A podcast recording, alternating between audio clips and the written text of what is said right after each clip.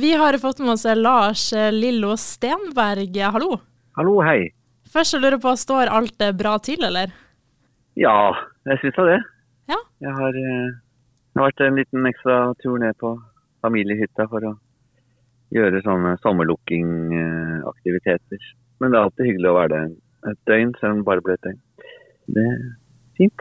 Og da lurer jeg på, er dere klar til å spille på Parken? Ja, det, det er vi, vet du. For vi har eh, gledet oss til det. Og det er jo Vi har vært der vel en, kanskje to ganger før. Og ja, jeg forbinder det med veldig hyggelige opplevelser og en fin festival. Så vi er kjempeklare for det. Mm. Hva kan folk forvente fra kvelden?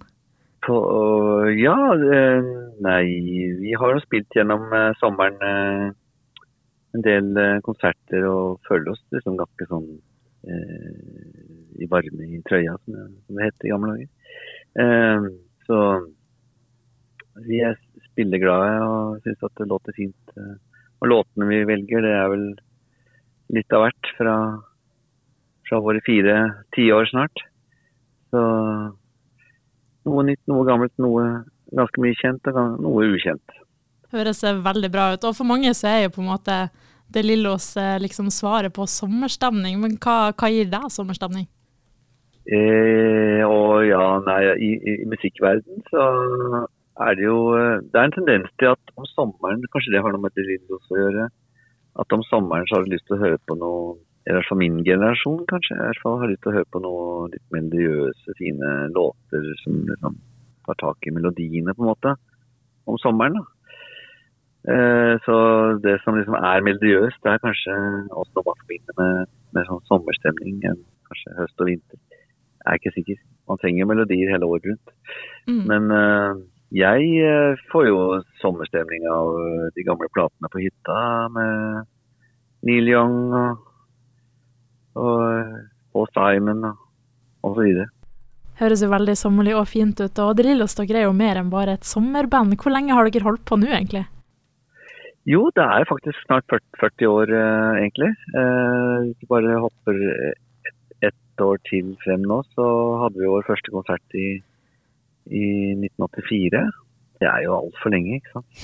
Det, men eh, årene går, og mye er gjenkjennelig, og mye er uforandret. Selv om verden på mange måter er totalt ugjenkjennelig, så er, er det der å sitte på et backstage-rom et eller annet sted og spise potetgull, det, det er relativt identisk med både 80- og 90-tallet.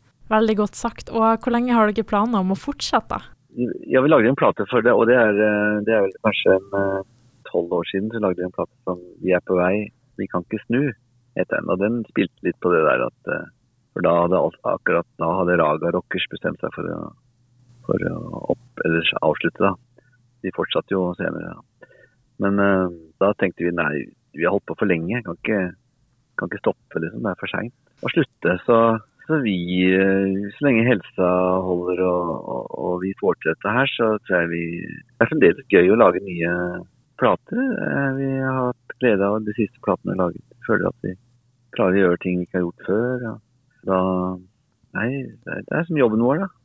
Og jeg ser ikke noen grunn til å pensjonere oss heller. Jeg har jo venner nå som har begynt å pensjonere seg.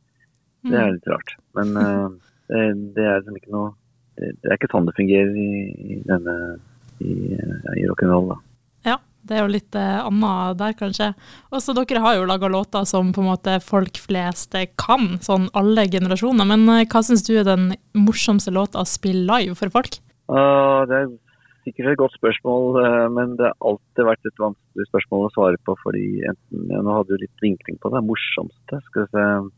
Jeg har noen rare, morsomme låter som, som ikke spiller så ofte, men Men altså, det er jo morsomt å spille en låt som alle kjenner, selvfølgelig. Som skaper utrolig energiutveksling mellom oss og publikum.